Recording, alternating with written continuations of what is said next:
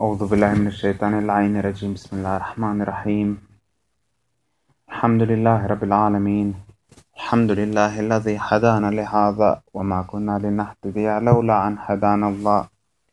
ثم الصلاة والسلام على أشرف الأنبياء والمرسلين سيدنا ونبينا وحبيب قلوبنا وشفيع ذنوبنا وطبيب نفوسنا بالقاسم محمد.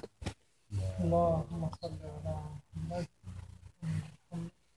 Salam alaikum syskon. Eh, jätteroligt att vara här igen efter en lång paus. Jag var föreläsning för två veckor sedan, det är första gången jag är här. Och eh, som ni vet, eh, dagens ämne så ska vi prata om eh, sjukdomar. Eh, vi har haft flera föreläsningar där vi har pratat om de själsliga sjukdomarna, fast vi har få föreläsningar där vi pratar om de fysiska sjukdomarna. Det är en lag i naturen att eh, alla blir sjuka på ett och ett annat sätt någon gång i livet. Det kan vara allting från en förkylning. Är det någon som här som kan säga att ni inte har blivit förkylda någon gång eller haft feber? Alla har blivit det, eller hur? Eh, och samtidigt kan man inte heller säga att ni inte känner någon som inte har blivit sjuka någon gång. Allt från ett litet spädbarn kan bli sjuk till en gammal person. Om man blir sjuk flera gånger under sitt liv. Så att säga att någon inte har blivit förkyld är onormalt. Det är normalt att vara förkyld, det är normalt att få en feber. Så att sjukdomar drabbar alla, från de minsta sjukdomarna, alltså förkylningar och eh, feber, till större sjukdomar såsom stroke, cancer, MS. Och jag är säker på att vi känner folk som har även svåra sjukdomar.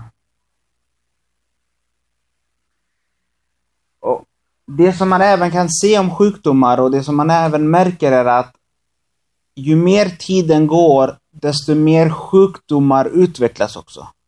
Det kommer svårare och svårare sjukdomar. Så till exempel, för 50 år sedan, om man frågar våra föräldrar när de var unga, eh, hade de hört mycket om cancer, att folk drabbades av cancer? På den tiden så var inte cancer en lika stor folklig sjukdom som det är idag. Utan man kanske hade cancer och man kanske inte visste om det. Uh, och man sa att nej, det var något annat och det var en naturlig död. Men vi märker att ju mer tiden går, desto svårare och svårare sjukdomar kommer det. Så till exempel för 50 år sedan, svininfluensan fanns inte. Den formen ebola-viruset är av idag fanns inte. SAR-sjukdomar som finns idag finns, fanns inte då. Så att vi märker att det kommer, det är ett faktum att det kommer nya sjukdomar med tiden hela tiden och konstant.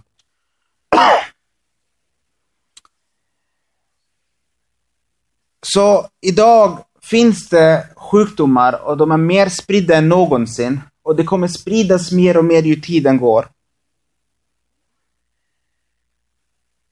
Och även att få vård för sjukdomar är svårare för andra. Om man kollar våra hemländer, de flesta av er är från Irak eller Afghanistan eller Iran. Det är mycket svårare att få vård i de länderna där borta än vad det är för oss här. Här är i princip all sjukvård gratis. Medan över där så kanske man behöver sälja ett hus om man ens har råd. För en svårare sjukdom. Man märker att kompetensen är bättre här än vad det är i de andra länderna, i alla fall i de flesta fallen. Så att sjukdomar är en väldigt svår sak och vi märker även att i andra delar av världen finns andra typer av sjukdomar. Till exempel om man kollar i Irak som jag just kollade upp. Så är det så att nästan hälften av befolkningen har diabetes där. Det är en folksjukdom. Cancerfallen är fler. Kanske på grund av Saddams kemiska attacker. Det föds fler onormala barn där.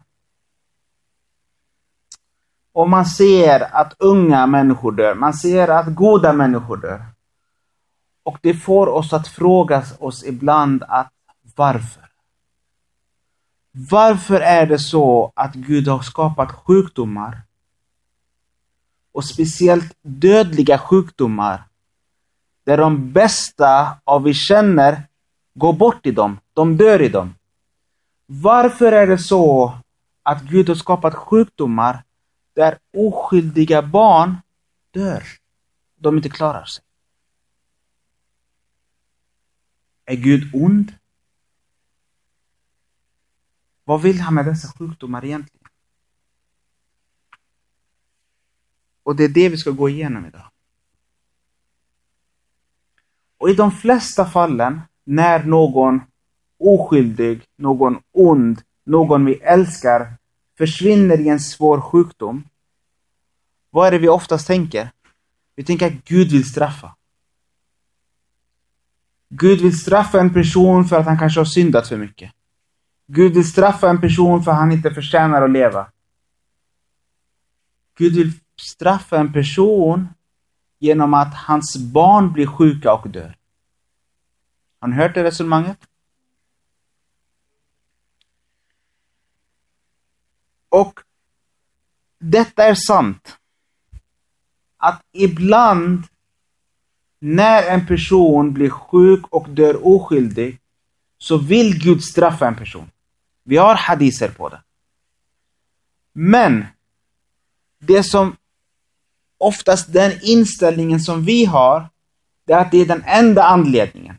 Vi tänker alltid på sjukdomar från ett negativt, från en negativ synpunkt. Att allt är ett straff. Gud vill straffa. Gud vill straffa familjen.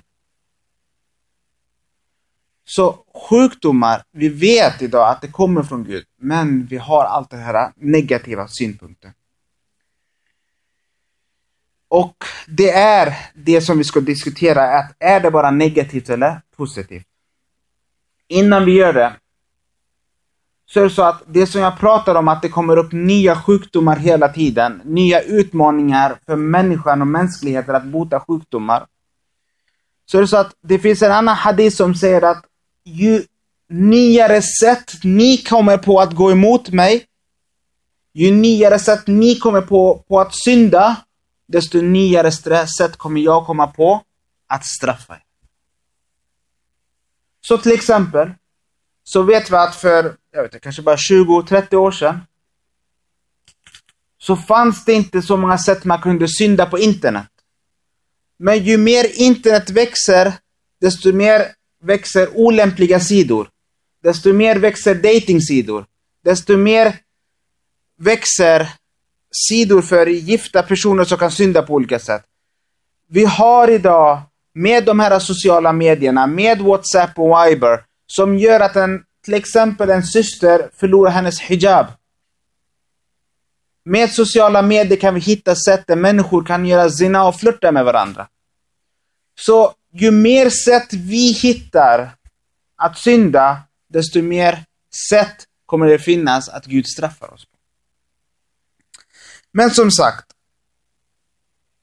än en gång, att kolla på sjukdomar som vi drabbas och ett sätt att det är Gud som straffar oss är ett synsätt som är ett negativt synsätt på ett sätt att man blir fast att Gud straffar, Gud är ond, Gud vill ta bort de vi älskar, våra nära och kära. Om vi kollar från en annan synvinkel, från det positiva, så kommer vi hitta flera sjukdomar, flera fördelar med sjukdomar. Läs en salvat ala Muhammad.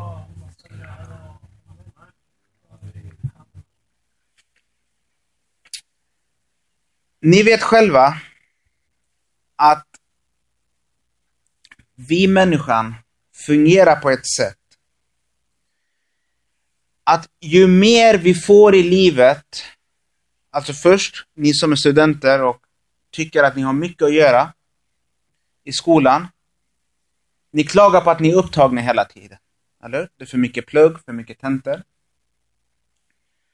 Om ni tänker er själva när ni gick i mellanstadiet och högstadiet, då tyckte ni också att ni var jätteupptagna. Okej? Okay? Sen så kommer man till universitetet. Och då är man världens upptagnaste person. Och man önskar tills allting är klart och man kan få ett jobb och det är jättelugnt. Sen när man är färdigutvecklad, färdigutbildad så får man ett jobb och då tycker man helt plötsligt att nu är jag jätteupptagen. För nu är det på allvar. Nu gäller det att om inte jag gör ett bra jobb så kommer jag inte få en lön. Plus oftast när man skaffar jobb så gifter man sig.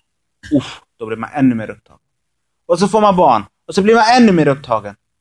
Och så ska man se till att det företag man jobbar på, det, det företag man har startat ska gå bra. Då blir man ännu mer upptagen.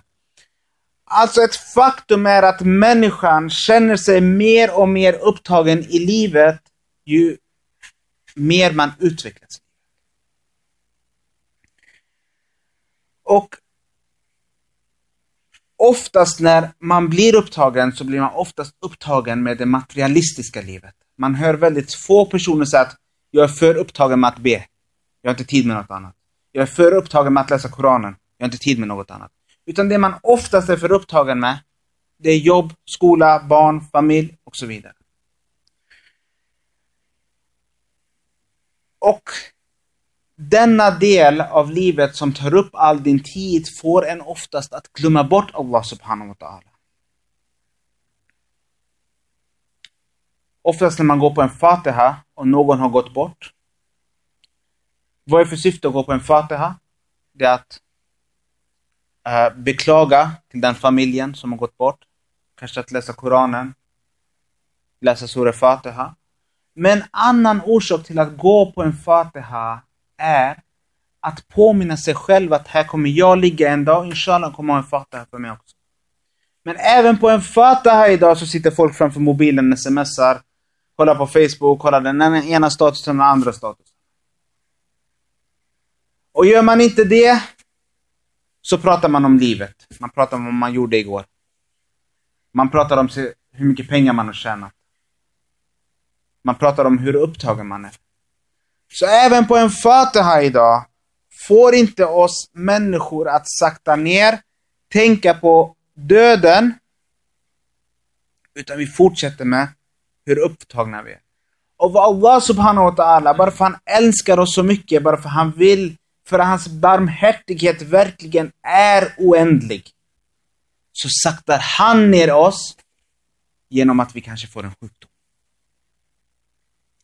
En person som är på språng från morgon till kväll, år efter år. Vad händer med den personen så fort han får en hjärtattack? Oj. Jag stressar för mycket. Det här var inte bra för mig. Nu måste jag vara hemma i en, två, tre veckor. Vare sig jag vill eller inte. Och jag måste börja fundera på livet. Vad är meningen med livet? Tänk om jag inte hade klarat mig ur denna hjärtattacken och hade gått bort istället.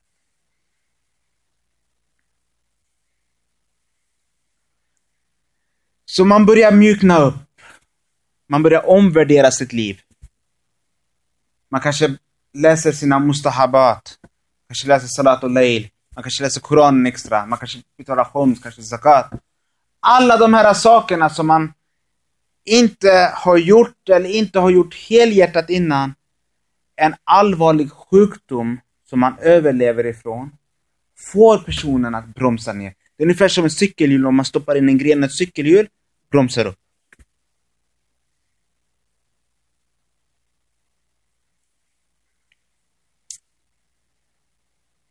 Så detta är en positiv del av att få en sjukdom för att man börjar komma ihåg essensen av livet igen. Imam Ali salam säger en hadis att jag söker tillflykt från den hälsan som får mig att glömma bort dig. Alltså jag vill inte ha den hälsan som gör att jag kommer glömma bort dig. Och det finns en annan liknande hadis från profet Daoud salam där han säger att Åh Gud, ge mig inte en hälsa som gör att jag blir sängliggande. Alltså som gör att jag inte kan göra någonting. Men ge mig inte heller den, den andra hälsan som får mig att glömma bort dig.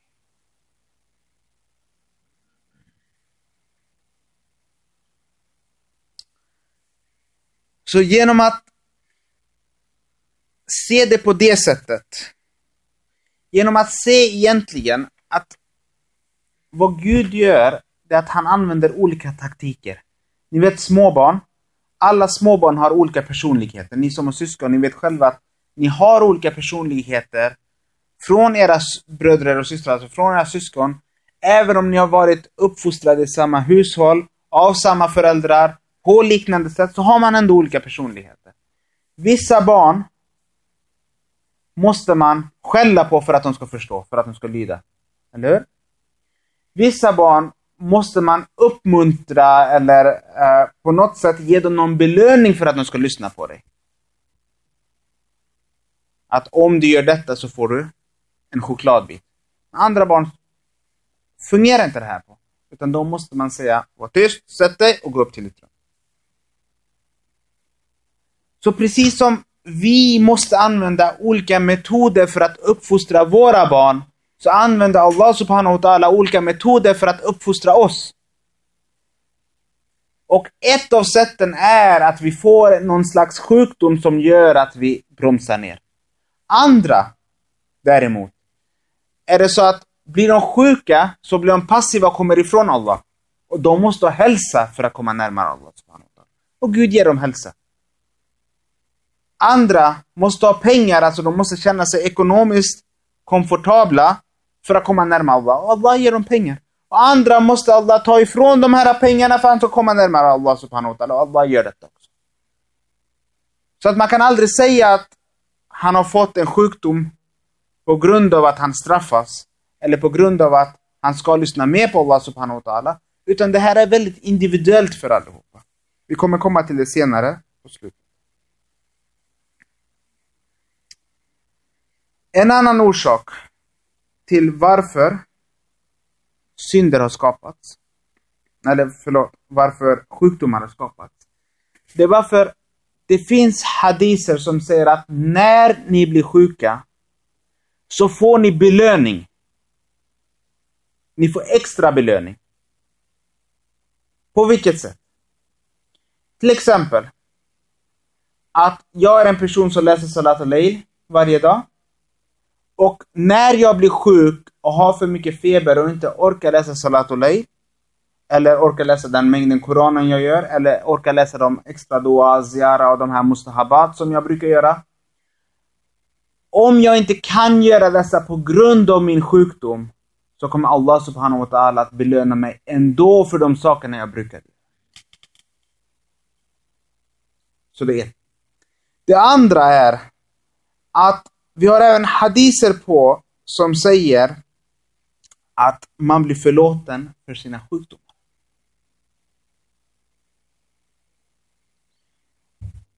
Förlåt mig. Att man blir förlåten för sina synder. På vilket sätt? Till exempel, om jag får ont i huv huvudet. Vanlig huvudvärk som händer allihopa. Allah subhanahu wa ta'ala kanske förlåter några av mina synder. Vi har en hadith som säger att om man sover en hel natt i feber, alltså man har en febrig natt, så förlåts synderna för ett helt år. Kan ni tänka er? Ett helt år förlåts synderna för, bara för man har feber en natt. Så ju mer sjukdomar och ju sämre man mår, desto mer ökar Allah subhanahu wa ta'alas barmhärtighet på oss och han förlåter oss mer och mer. Och om man tänker på det sättet,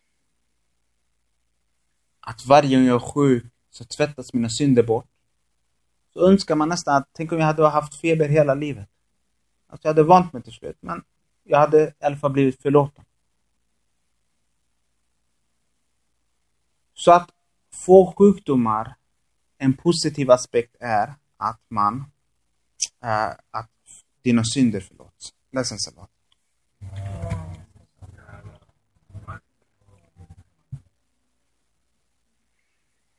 En annan positiv anledning till att sjukdomar finns och är skapade, det är att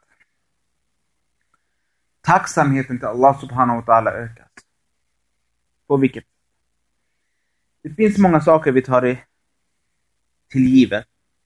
Till exempel tar vi inte till givet här i Sverige att vi ska ha elektricitet hemma. Men säg mig själva, i våra länder, vi behöver inte gå så långt, folk vi känner, tar de det för givet? Nej, det inte. Och om vi inte har elektricitet hemma, vi blir helt paralyserade. Det fungerar inte att ladda mobilen, till exempel. Bara en sån sak. Vi är så vana vid mobiltelefonen idag att har, har vi den inte under två dagar på grund av att vi inte har elektricitet så blir vi helt förlamade. Internet. För några månader sedan så fungerade inte internet på jobbet. Alla satt bara, jag vet inte vad jag ska göra för någonting. För vi kan inte läsa våra mejl. Och det är så faktiskt. Det är väldigt mycket sådana saker som vi är beroende av. Säkerheten. Idag vi sitter här i lugn och ro. Är det någon som är rädd? Även det minsta lilla att det kommer komma in en missil genom fönstret och döda oss. Har vi ens tänkt på det sättet? Men så är det inte i resten av världen. Så när man har allting så är man så van vid bekvämligheten, man är så van vid lyxen att människan inte kan fungera utan den. Och samma sak gäller hälsan. Det finns en hadith som säger att människan tar två saker till givet, alltså naturligt. Det är hälsan och det är dess egna säkerhet. Så nu när vi är så unga och vi ens inte tänker på hälsan för att vi mår så bra, vi är i toppform, vi kan jogga 20 kilometer utan problem, vi kan ta 90 kilo bänkpress. När vi sitter inte tänker på sättet att hälsan är ingenting som kommer finnas där resten av livet, så tar vi hälsan för givet. Det räcker egentligen att vi går till våra föräldrar och kollar på dem. Orkar de lika mycket som oss? Och Gud alltid ger dem en frisk hälsa. Men kan vi jämföra deras hälsa med våran? Nej, det kan vi inte göra. Men trots att vi vet att vi kommer vara där strax, det är bara några år kvar, så tar vi hälsan för givet.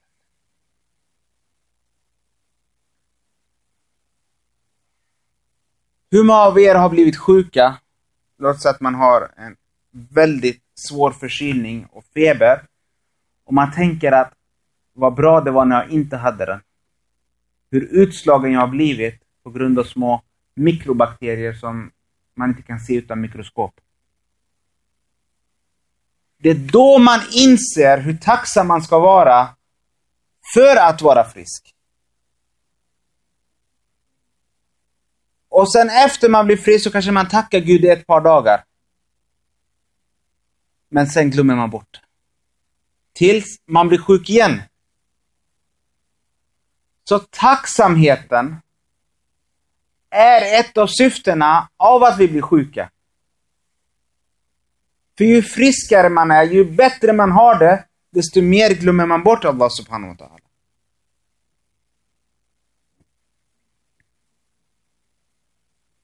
Så att tacka Gud för att ni är friska och tacka Gud för att han påminner er om att, han, att ni ska tacka honom. Det finns en koranvers som säger att ju mer man tackar Allah subhanahu wa ta'ala, desto mer kommer man få också.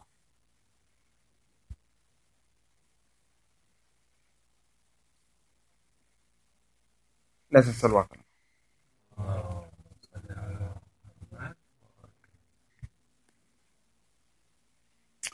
Och om vi fortsätter lite granna på detta, att då man tappar tacksamheten, vad är det som, det är något mer man tappar då, och det är ödmjukheten. När vi är starka fysiskt sett, alltså när vi har hälsan i behåll, så leder det till att vi blir mer och mer arroganta. På vilket sätt? Det finns vissa faktorer som gör att man blir naturligt sett arrogant om inte man kontrollerar sig själv. Om jag säger till er att Firaun, farao, under profet Moses tid, han var så arrogant, inte bara att han sa att jag är Gud, han sa jag är gudarnas Gud. Om vi säger Harun Rashid, han var så arrogant att han pekade på molnen och trodde att de skulle lyda honom. Flyg väst nu, flyg öst, regna över mig, regna inte över mig. Så arrogant var han. Och då tänker man själv att, kan jag bli så arrogant? Nej, det här är någonting vi bara läser i hadisböcker om Firaun och Harun Rashid. Men det finns vissa faktorer i livet som gör att man blir arrogant. En av dem är hälsan. Mår man bra så har man inga problem hälsomässigt som kan leda till att man blir arrogant. Ju mer pengar man får, desto mer arrogant blir man. För att med pengar kan man köpa allting förutom hälsan. Ju mer makt och position man får, ju mer folk tycker om dig. Om du är en politiker, ju mer röster du får, desto mer arrogant kan du bli. Är du en föreläsare, folk sitter och lyssnar på dig, du kan bli arrogant. Och ibland så är det så att Allah subhanahu wa ta'ala botar den här arrogansen hos människan genom att ge dem sjukdomar. Man har allting. Man har makt, man har pengar, man har hälsan. Och så drabbas man av cancer. Och läkaren säger att du har bara två månader kvar att leva. Arrogansen sjunker från toppen till mm, nästa. För då gäller det att förbereda sig till slutet av livet. Det finns en hadith som säger att om det inte var för två saker som sönen av Adam inte hade haft, så hade de, eller om, de hade, om det inte vore för två saker, så, så hade sönerna av Adam aldrig behövt böja ner huvudet. Alltså aldrig behövt att tänka, reflektera på livet. Och det första är fattigdom. Och det andra är sjuk, hälsa, alltså sjukdom. Som fattigdom och sjukdom inte hade existerat så hade vi varit så arroganta att vi inte hade kommit ihåg Allah subhanahu wa ta'ala. Jag vet själv en sån person. Jag är säker på att ni själva känner. En person som har fått för mycket luft, som man brukar säga. En person som har lyft för mycket i karriären. Den personen jag känner i alla fall, han har fått ett sådant karriärslyft att han började se ner på folk. Att han började vara arrogant. Att han ens inte kom överens med sin familj. Men vad hände? Han drabbades av något, en sjukdom. Så fick han att tänka om hela livet. Och nu är han en av de ödmjukaste som finns. Som jag känner.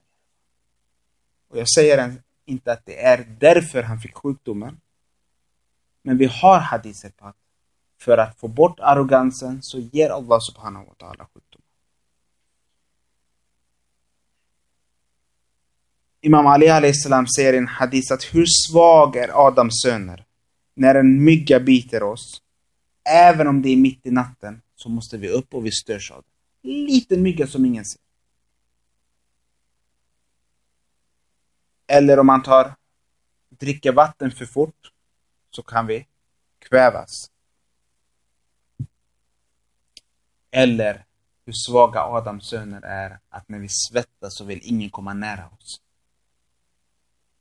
Tänker sjukdomar, en sån liten bakterie som kan slå ut en så stor kropp. Subhanallah. Det är vackert om man tänker på det. Jag ska bara ge ett sista exempel om just arrogansen. Att det fanns en gång en arrogant khulafa och han gillade att bli prisad väldigt mycket. Så varje id så tvingade han folk komma till honom och prisa honom. Och en av personerna som skulle prisa honom var en poet. När poeten kom och började prisa honom, precis då kom en fluga och började störa han Kholefan. Gjorde så här, försökte ta bort flugan. Och till slut så störde flugan honom så mycket att han inte kunde koncentrera sig på prisningen och genom att han försökte ta bort det så ramlade han ner och föll från talarstolen. Och det är en liknelse med oss. Att vi kan falla väldigt enkelt. Vi tror att vi är så starka. Vi tror att ingen kan ta ner oss. Vi har allt i livet. Men ändå så tar sjukdomen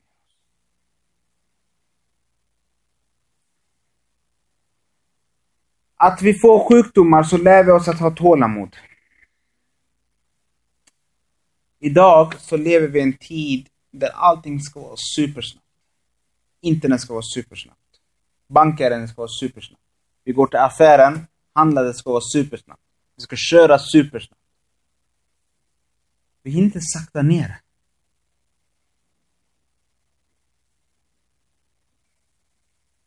Och Gud säger till oss, och Gud försöker sakta ner oss genom att ibland att vi får en sjukdom.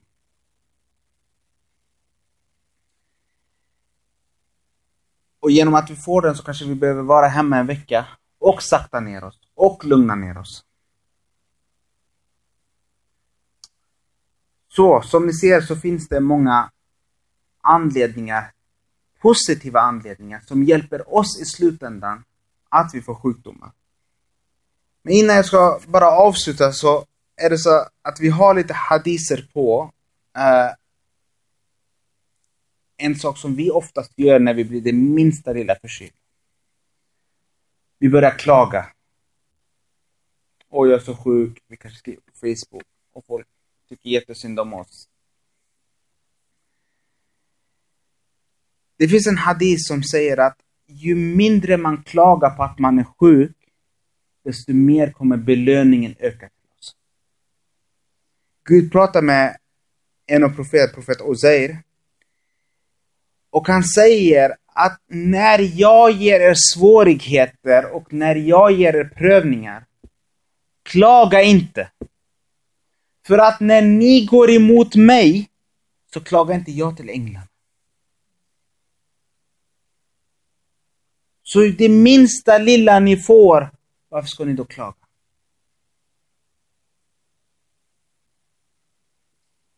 Så det finns många saker vi kan lära oss av sjukdomen. Profeten har sagt till Abu Dhar att ta fördelen av hälsan innan du blir sjuk.